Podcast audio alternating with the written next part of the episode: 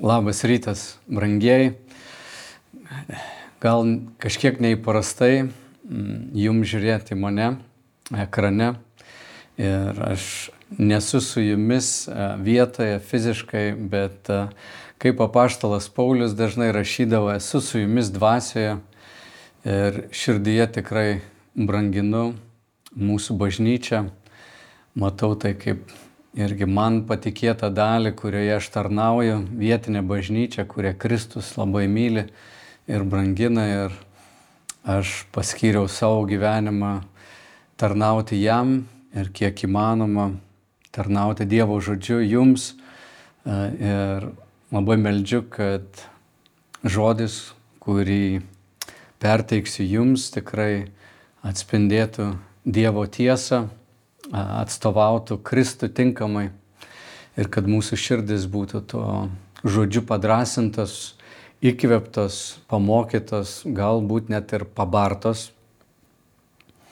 Bet šiandien e, kreipiuosi visus mus, kurie esate Vilniuje, Kaune, Klaipėdoje ir bet kokiuose kitose miestuose, žiūrėdami internetu, norėdamas padaryti įžangą laiškui kolosiečiams, e, kurį noriu pakviesti jūs visus studijuoti per ateinančius du mėnesius. Spalio ir lapkričio mėnesiais planuojame eiti per visą laišką kolosiečiams. Todėl man pasirodė tinkama kreiptis visus kartu a, tokiu būdu. Miesto bažnyčioje misiją mes įvardyjame kaip palydėti žmogų į artimą draugystę su Jėzumi Kristumi. Tai paremta didžiuoju įsakymu mylėti Dievą visą širdimi, visų protu, visomis savo jėgomis, visą savo širdimi. Ir aš įsitikinęs iki pat e, kaulos smegenų, kad šventoji dvasia visada kvies žmonę šitoj žemėje pažinti Dievą ir pažinti Jo meilę. Visada kvies pamilti jį visą širdimi nes jis sukūrė mus savo ir mūsų širdis niekada nebus pasitenkinusi niekuo kitu, kaip tik Kristumi, kuris yra mūsų gyvenimo duona ir vanduo. Ir net žmonės, kurie šiandien jo nepripažįsta, visada širdyje išgyvens tam tikrą tuštumą, nes Dievas sukūrė, kad ji būtų užpildyta juo pačiu. Mes esame jo dalis, jame mes esame, jame mes gyvename, jame judame visa mūsų gyvastis priklauso nuo jo. Ir žmogus, kuris atsiskyręs yra nuo jo meilės, niekada neišgyvens tokios pilnatvės, nors ir tai ir įvardintų savo prote, kad jam nieko nereikia ir jis pats savo gyvenimą valdo. Bet aš įsitikinęs, kad jis netam sukurtas, kad gyventų nepriklausomai.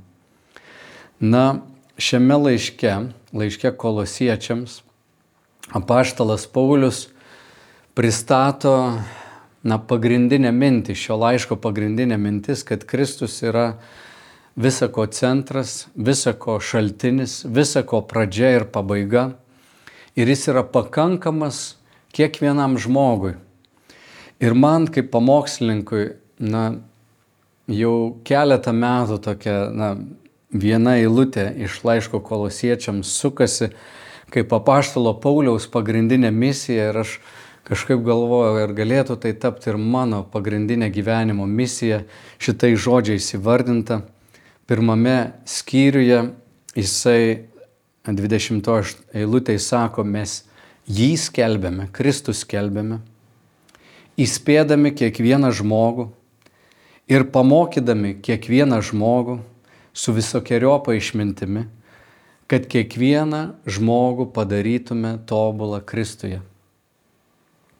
Štai apaštalo gyvenimo pašaukimas. Jis kitoj vietoje sako, Kristaus meilė valdo mus.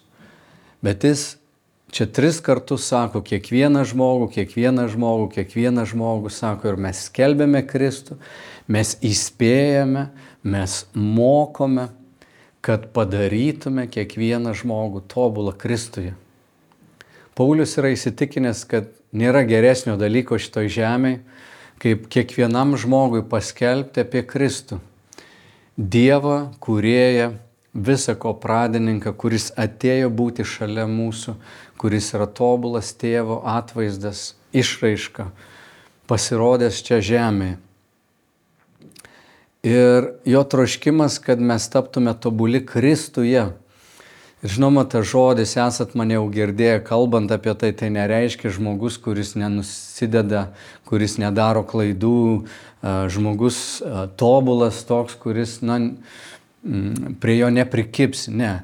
Tai yra žmogus, kuris tampa tuo, kuo Dievas jį numatė būti. Jeigu Kristus kaip kuriejas sukūrė tave, su visais tavo ypatumais. Tavyje gyvena kažkoks ir sužeidimas nuodėmės, kurį Kristus nori išgydyti per savo šventąją dvasę veikiančią tavyje ir tavo senąjį gyvenimo būdą padaryti naujovišku, nauju, kad tu apsivilktum pačiu Kristumi ir taptum geriausią savo versiją. Ir šita kelionė trunka visą gyvenimą. Tu tampi 1.0, paskui 1.5, vis kaip kokia operacinė sistema. Tavo mąstymas atsinaujina, tavo įsitikinimai atsinaujina ir tu vis labiau ir labiau, labiau esi formuojamas tapti panašus į Kristų. Savo įsitikinimais, savo meilę tėvui, savo gyvenimo būdu, atsisakydamas šio pasaulio vilionių kurios nori visada užimti pirmąją vietą tavo širdyje. Kaip Augustinas sakė, mylėk Dievą ir daryk, ką nori. Tai reiškia, kad šventoji dvasia nori mus atvesti tokią vietą, kai Dievo meilė yra pirmoji vieta, visa kita yra savo vietoje. Žinoma, visi šito pasaulio gėriai, visi malonumai, grožiai yra mums dovana ir jie tampa be galo gražus, jeigu Kristus yra pirmoji vietoje. Jeigu mes įsikimbam į šio pasaulio malonumus, į kažkokius tikslus, kuriuos patys susikūrėm, norėdami gyventi nepriklausomai nuo Dievo, jie niekada mūsų iki galo nepatenkins. Kai mes augame meilę Kristui, auga ir mūsų meilė visiems žmonėms. Kai mes neturime meilės žmonėms, mes neturime meilės ir Kristui. Štai kodėl miesto bažnyčia, kai mes kviečiame tapti bendruomenės nariais, mes kviečiame ir daryti tokį įsipareigojimą - kasdien būti su Kristumi. Kad kiekvienoje grupelėje, kiekvienam susitikime mes vienas kitą drąsintume pastebėti Kristų, leisti laiko su juo, skaityti jo šventą žodį, būti su Biblija, būti maldoje Štai kodėl mes duodame ir įsipareigojimą vienas kitam, kad tarnausim vienas kitam, nešiosim vieni kitų naštas, kad e, prisidėsim prie tos bažnyčios e, statybos, būdami grupelėje, ateidami patarnauti ir sekmadieniais, pamaldose. Mes visi siekiame to paties. Taip pat, sakome, mes norime patikti Dievui ir savo naštas, savo sunkumus, kažkokias netgi nuodėmės galim išpažinti savo draugų grupelėje, išpažinti vienas kitam ir melsis, kad gautume pagalbą gyventi Dievui patinkančiu būdu. Kodėl pasirinkom laišką kolosiečiams ir kodėl eisim per jį visą? Mes esam ne vieną kartą bažnyčioje taip pasirinkę studijuoti visą laišką. Dažniausiai bažnyčioje mes pasirinkam temomis kalbėti. Pavyzdžiui, paimam kokią nors temą um, apie maldą ir mes kalbame įvairius maldos aspektus ir iš skirtingų šventojo rašto vietų mokomės uh, prieiti prie šitos temos. Kitas būdas pamokslauti yra paimti laišką ir eiti per jį. Žinoma, pats laiškas jis yra irgi temų rinkinys. Apaštalas Paulius rašo laišką kolosiečiams, kurie gyvena kolosų mieste ir ten yra tam tikri iššūkiai, tam tikros problemos ir tame laiške jisai paliečia skirtingas temas. Kai mes einam per tą laišką, mes leidžiame tarsi apaštalui Pauliui parinkti mums temas, kuriomis mes galime būti mokomi ir nukreipiami Dievo link. Todėl mums svarbu suprasti kontekstą. Bet kuriuo atveju, kai žiūrime į šventąjį raštą, mes turim matyti visos Biblijos kontekstą, kam jinai parašyta, kas ją rašė, kokios ten temos liečiamos. Yra žinoma ir skirtingos literatūros formos, yra istorinė literatūra, yra ir poezija, išminties literatūra, pranašai. Čia yra laiškas, naujojo testamento forma, Dievo įkvėptas žodis skirtas bendruomeniai. Ir kai mes skaitysim per laišką kolos, e, kolosiečiams, mes paliesime tam tikras temas, kurios buvo aktualios jiems, bet turime taip pat skaityti ir suprasti savo kontekstą. Nes daugelis tų tiesų, kurias rasime šiame laiške, jos persikelia ir tinka mūsų kontekstui. Nes visas Dievo žodis įkvėptas ir jis paliečia giliausias širdies kerteles. Laiškė hebrajams net yra pasakyta, kad Dievo žodis yra a, gyvas. Jis yra aštresnis už dviešmenį kalaviją ir prasiskverbia iki sielos ir dvasios atšakos, iki pats kaulų smegenų. Žodžiu, ten, kur giliausi tavo įsitikinimai yra, Dievo žodis gali teisti tai, kas yra teisinga, neteisinga, vertinti tavo mintis ir tu, aš, mes galim palengti savo galvą, savo širdis Dievo žodžio ir leisti jam formuoti mus, kad mes pataptume tą geriausią savo versiją. Žodžiu, labai svarbu, kai mes prieinam prie Dievo žodžio, kad ne mes esam bosai, šeimininkai ir žodžio kritikai. Mes ateinam su nuostata, kad esam Dievo kūriniai, Dievo nusavybė, Dievo vaikai, kuriems mylintis tėvas nori papasakoti apie save ir kaip mums gyventi tame pašaukime, kurį jis mums yra paruošęs. Na dabar truputį apžvalga laiško kolosams, kolosiečiams, kurie gyveno kolosose. Pats miestas, kolosų miestas, yra Mažojoje Azijoje. Ir, na, miestas tuo metu, kai Paulius rašė, jau nebebuvo labai įspūdingas miestas. Prieš tai jisai buvo žinomas dėl tokio raudono Vilnonio audinio, bet šalia jo esantis miestai už 15 km į vakarus, Leodikėjos miestas, tapo daug didesnis miestas, Hierapolis taip pat šalia esantis.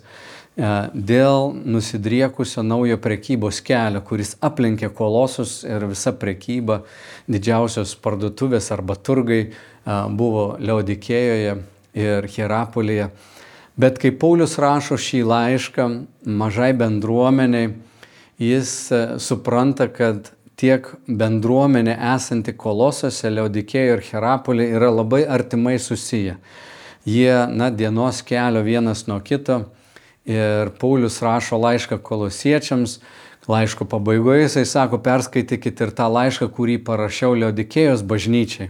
Ir tegul jūsų laiškas nukeliauja pas juos. Žodžiu, jisai mato tą tokį artimą bendradarbiavimą, bet pats miestas, na, neįspūdingas.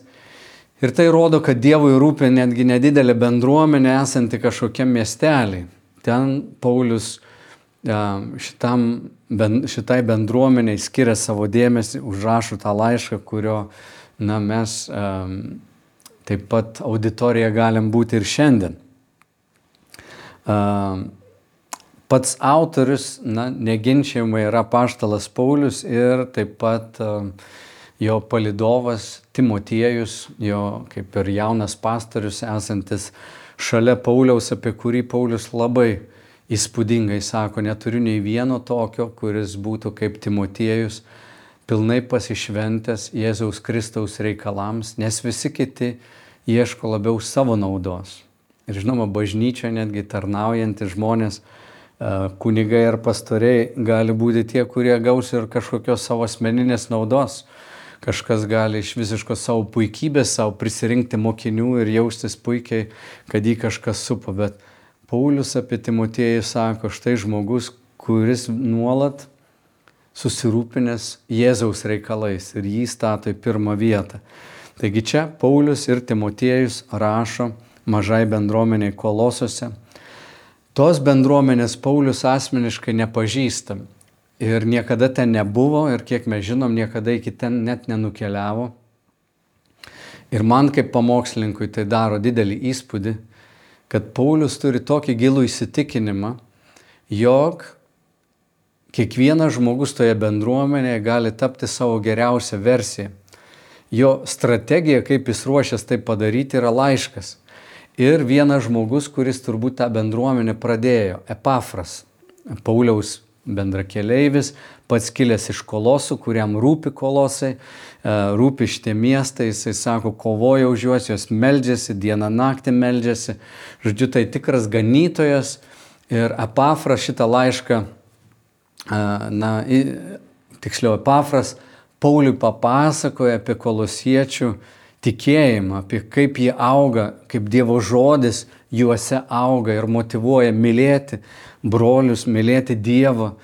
Ir, na, Epafras atneša tą žinę, Paulius praneša ir Tichikas, kuris taip pat nešia ir kitus Pauliaus laiškus, dar kitose vietose vadinamas Silvanu, jis neša žinutę tai bendruomeniai, kuri susiduria irgi su savo iššūkiais. Kodėl apaštalas Paulius rašo tą laišką? Nes Epafras atėjęs jam praneša, nuostabi bendruomenė, jie myli vienas kitą. Kai jie išgirdo tieso žodį, Evangeliją, tas žodis kažką padarė juose. Ir apaštalas Paulius klausosi, turbūt žavisi tuo, kad šventoji dvasia pasiekė kolosus. Bet taip pat jis praneša Pauliui apie įvairius klaidžiamokslius, kurie įėjo, kas prieštarauja Kristaus mokslui. Klaidžiamoksliai, kurie na, atėję žmonės, kiti sako, taip jūs Kristumi tikit, malonė esate išgelbėti Dievas jums atleido, jūs nuplovė, puiku. Bet visa tai kilo iš žydų tikėjimų. Ir jūs turite laikytis tam tikrų žydiškų taisyklių, žydiškų ritualų, tam tikrų pra, asketiškų praktikų ir netgi angelų garbinimų. Ir žmonės sumišę sako, nu tai gerai, jie nauja bendruomenė, visi naujatikiai ir sako, gerai, tada ką, ką reikia daryti, nuo ko susilaikyti. Šito valgyti, sakėt, negalim, čia nešvaru, čia netvarkingi, čia ne, negerai. Um, kiti atėjo, sako, jums reikia gilesnio pažinimo ir, ir Paulius irgi adresuoja tokią problemą kaip um, misticizmas.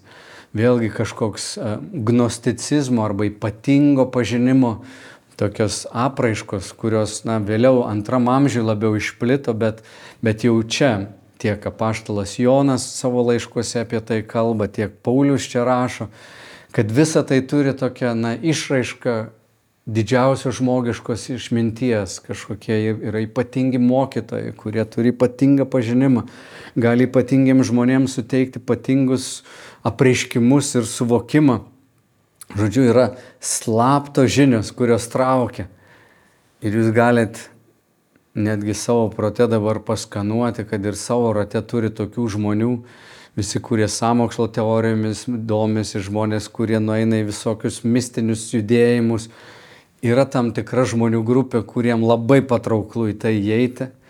Ir Evangelijoje ne vienoje vietoje yra na, užkabinamos šitos temos ir ką daryti, kai žmogus yra traukiamas į tokį na, nukrypimą, ieškoti kažkokio ypatingo pažinimo, nes ten yra puikybės pastai. Tikri puikybės pastai, kai kurie žmonės, kurie turi didelį žingeidumą, um, žinioms irgi gali būti lengvai patraukiami. Ir Paulius rašo šį laišką, kad galėtų ir pataisyti tam tikrus klaidžiamokslius. O jo atsakymas gan paprastas. Jis tiesiog iškelia Kristų kaip didžiausią gėrį ir teisingas suvokimas, kas yra Kristus, ką jis atliko, ką jis padarė ant kryžiaus, ant kiek reikšminga kurėjo akise buvo išteisinti žmonės ir atpirkti mūsų nuodėmės, sumokėti už, nuodėmė, už nuodėmės ne kerštu, ne bausme, bet paukojant savo sūnų kaip, na, vietoj mūsų, kuris užima mūsų vietą. Kad Kristus yra ne tik kuriejas, jis yra ir atpirkėjas, ir jis yra amžinojo gyvenimo suteikėjas. Ir jis yra tas, kuris siuntė savo šventąją dvasę, kad mes per ją gyventume vertais to pašaukimo, kurį Dievas mums yra numatęs. Tapti tą geriausią savo versiją. Apaštalas Paulius sako, kad jeigu jie suvoktų Kristų, kas jis yra, ir ten mes randame jau pirmame skyriuje visą tokį kaip eilėraštį apie Kristaus viršenybę virš visko kūrinyje, kad per jį ir jam viskas buvo sukurta, tai to originalo studijavimas, originalo pažinimas leis atpažinti visus kitus padirbtus pinigus arba visas a, kopijas, visas a, na, netikras, nepatenkinančias filosofijas, mokymus, kelius, kurie nuveda nuo originalo. Paštalas Paulius sako, na, laikų pabaigoje Dievas atsiuntė savo sūnų, per kurį mes randame kelią pas tėvą, kuriam mes esame ir sukurti, dėl kurio ir gyvenam. Taigi Kristus yra aukščiau visko ir jis yra pakankamas mums tiek dėl išgelbėjimo, tiek dėl visko, ko mums reikia šitam gyvenime. Todėl per jį, dėl jo, viskas sukurta ir mes turim pavesti jam visą savo gyvenimo sritis.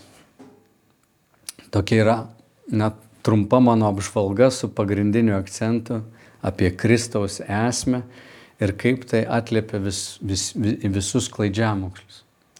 Kai mes eisime eilutę po eilutės, studijuodami, na, po tokį nedidelį gabaliuką, kiekvieną savaitę, tu pamatysi tas gelmes.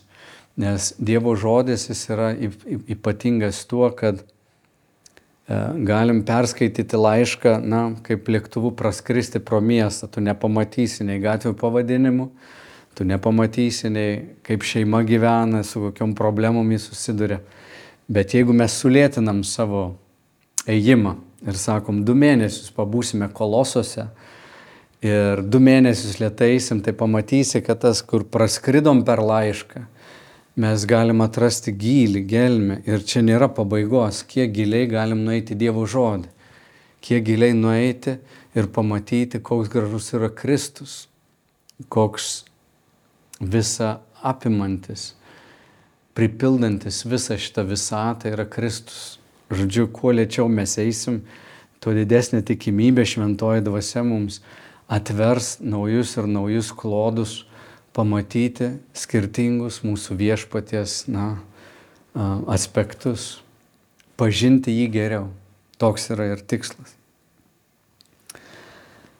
Noriu keletą akimirkų skirti ir mūsų aplinkai. Štai Paulius rašo kolosams kreipiasi nu, ne į miestą, o į kolosiečius, e, to miesto gyventojus.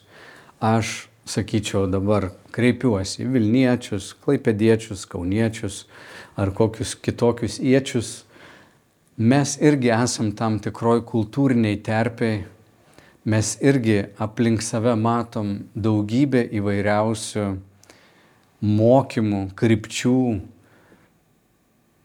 kurios gali įtraukti mus paskirti visą savo gyvenimą kažkam.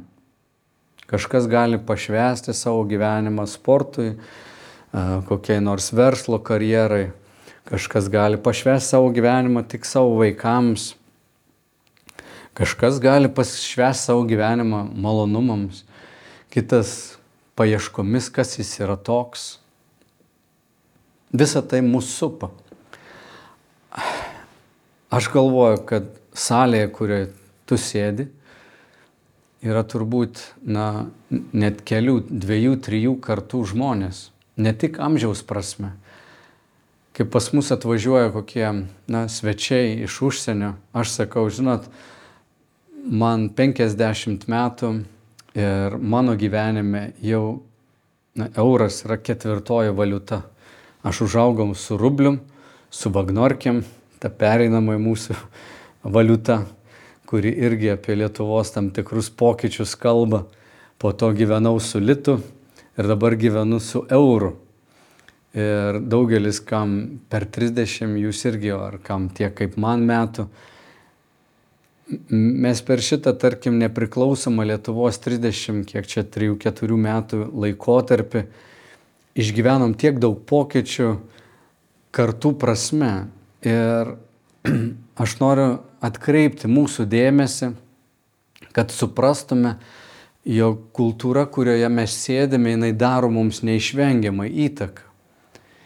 Ir jeigu tu nori tapti tą geriausią savo versiją, šis laiškas kolosiečiams, jisai gali tapti tau gal ir net papiktinimu. Bet tikrai nenorėčiau, kad tu labai paviršutiniškai jį pažiūrėtum ir sakytum, aš krikščionis, viskas man gerai, aš ateinu į bažnyčią, ko tu dar nori. Bet jeigu aš užduočiau tau tą klausimą, ar Jėzus Kristus yra tavo viešpats? Labai norėčiau, kad tu nuoširdžiai pamastytum ir sakytum tikrai taip arba ne, o jei ne, tai kodėl ir kokiuose srityse.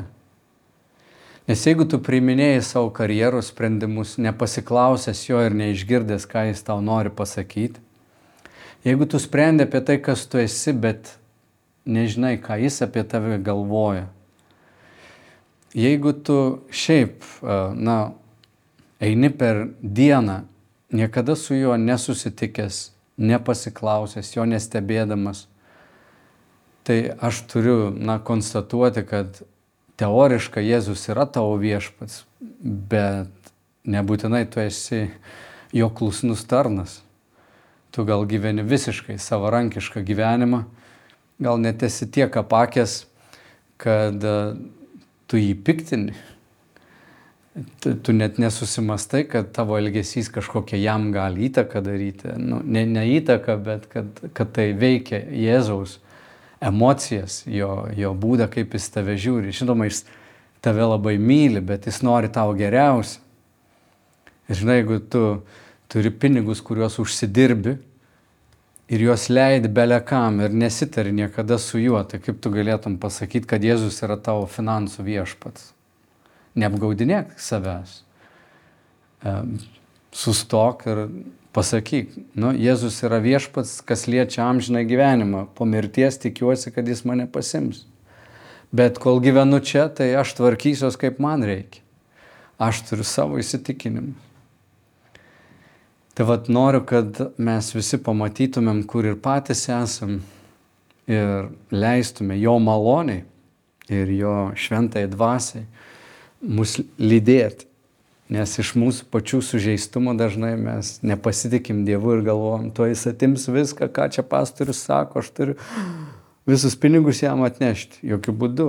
Aš taip net, net į tą pusę nesakau. Aš turiu e, tik vieną tikslą pasakyti, kad jeigu Jėzus yra tavo viešpats ir tarkim tavo finansų kaip pavyzdžių, tai jisai gali tau pasakyti, naudok viską tam ar anam tikrai tau leis įsigyti ir būstą ir visą kitą, bet, bet tu su juo tariesi. Šiandien mūsų tarpe, man atrodo, yra viena tokia na, žmonių grupė, galbūt jau išmirštanti, kuri užaugo dar tarybiniais laikais, bet turėjo ir gal tebe turi gyvus senelius, gal tėvus, kurie buvo maldingi ir turi šitą supratimą, kad yra pomirtinis gyvenimas, kad yra Dievas, kad žmogus turi būti doras, Ir jeigu jis nėra doras, jeigu jis nusideda, jis dar turi tą suvokimą, kad yra nuodėmė, jis nusideda, jį kankina kaltė ir jis gyvena su kaltė ir jam reikia kažkokio išrišimo. Yra karta žmonių, kuri, man atrodo, išmiršta, bet jie turi tą suvokimą, kad yra teis, tiesa ir yra melas, yra dorybės ir yra nuodėmės ir yra pomirtinis gyvenimas ir yra teisėjas, kurie bažnyčia išpažįsta, tikiu vieną Dievą, tėvą ir, ir jie turi tą išpažinimą, jie atsimena. Tai tokiem žmonėm ir kai jie ateina į bažnyčią, dažnai jie turi, na, tas tokius kaip, kaip, kaip kokias kolonas fundamentales. Ir kartais jiems reikia tiesiog, na, sujungtas kolonas ir pasakyti, taip, tu esi Dievo kūrinys, bet tu nusidėjai, Kristus tave myli, jis tave atpirko Ir štai jis tau gali atleisti ir tu gali gyventi nebekaltėjai. Tai yra tokia karta, kurie ateina į bažnyčią ir jiems sakai, tu blogas žmogus, jis sako, aš blogas žmogus, mė kulpa, Kristus tave myli, geroji naujiena, tik pripažink, kad esi blogas ir Kristus tave išgelbės, jis tau atleis. Ir yra tokia žmonių grupė ir tokie dažniausiai turbūt į bažnyčias ateina tradicinės bažnyčias. Ir pas mus ateina tokie žmonės į miesto bažnyčią. Jiems tiesiog reikia sujungti tos taškus ir pasakyti, kad Dievas yra geras, nes kai kurie galvoja, kad Dievas yra galbūt piktas.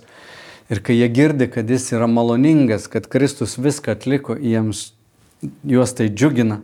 Geroji naujiena yra Jėzus mirė už mane, jis mane myli, jis gali gauti malonę per Jėzų, būti teisus ir turėti amžinai gyvenimą.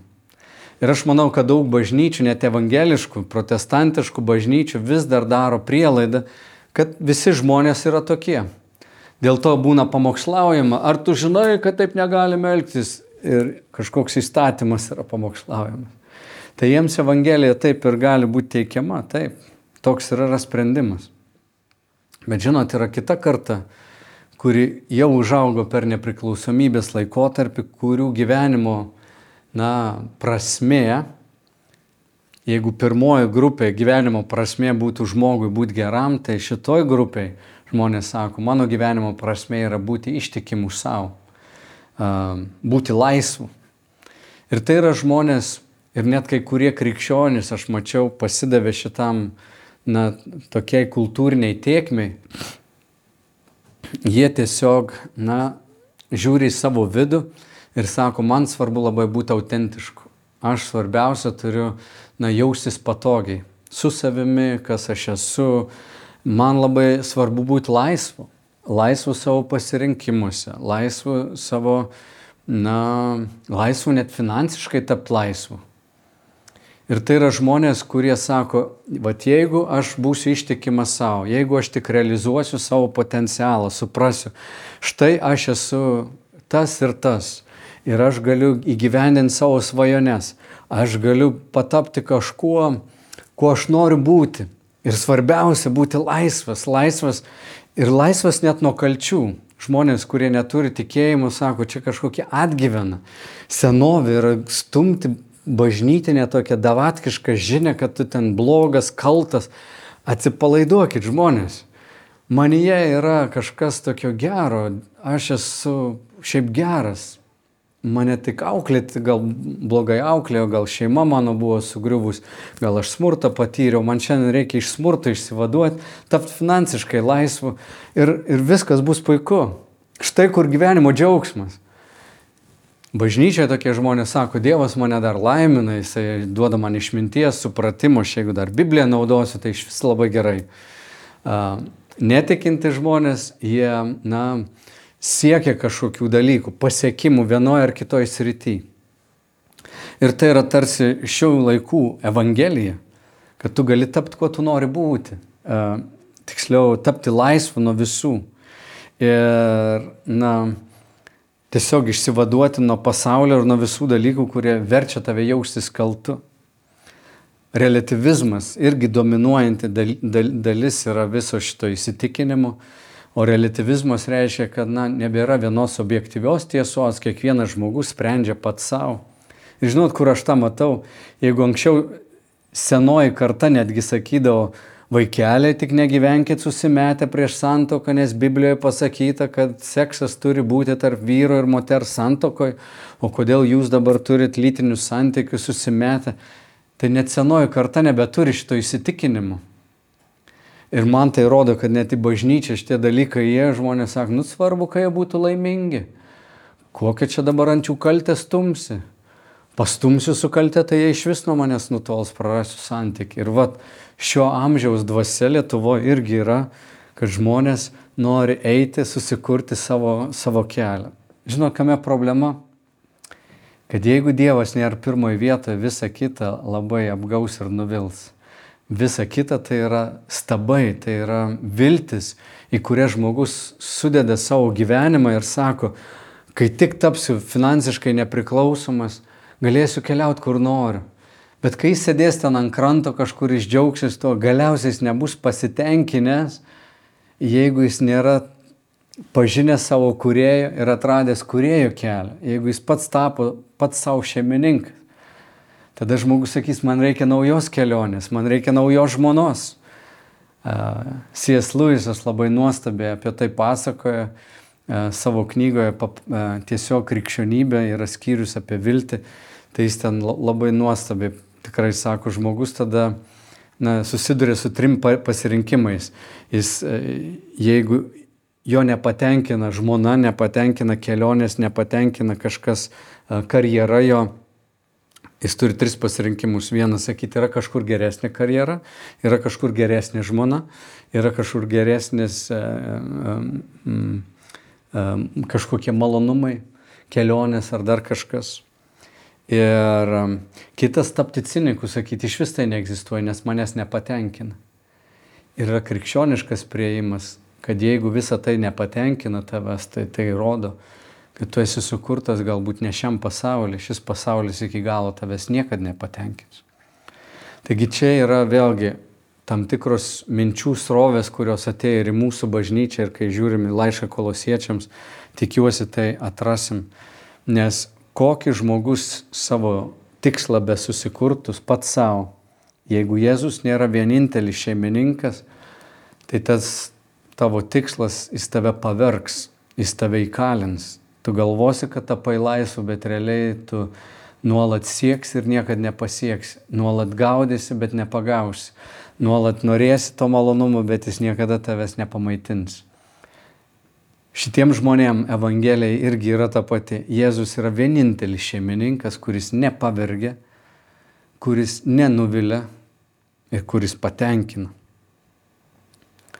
Bet trečia grupė, į kurią šiandien aš matau pati jauniausia karta įžengia, kai kurie iš mūsų gal net nesuprantam, kad jauni žmonės, kurie ateina į bažnyčią, jie jau yra internete prisižiūrėję įvairiausių paustų.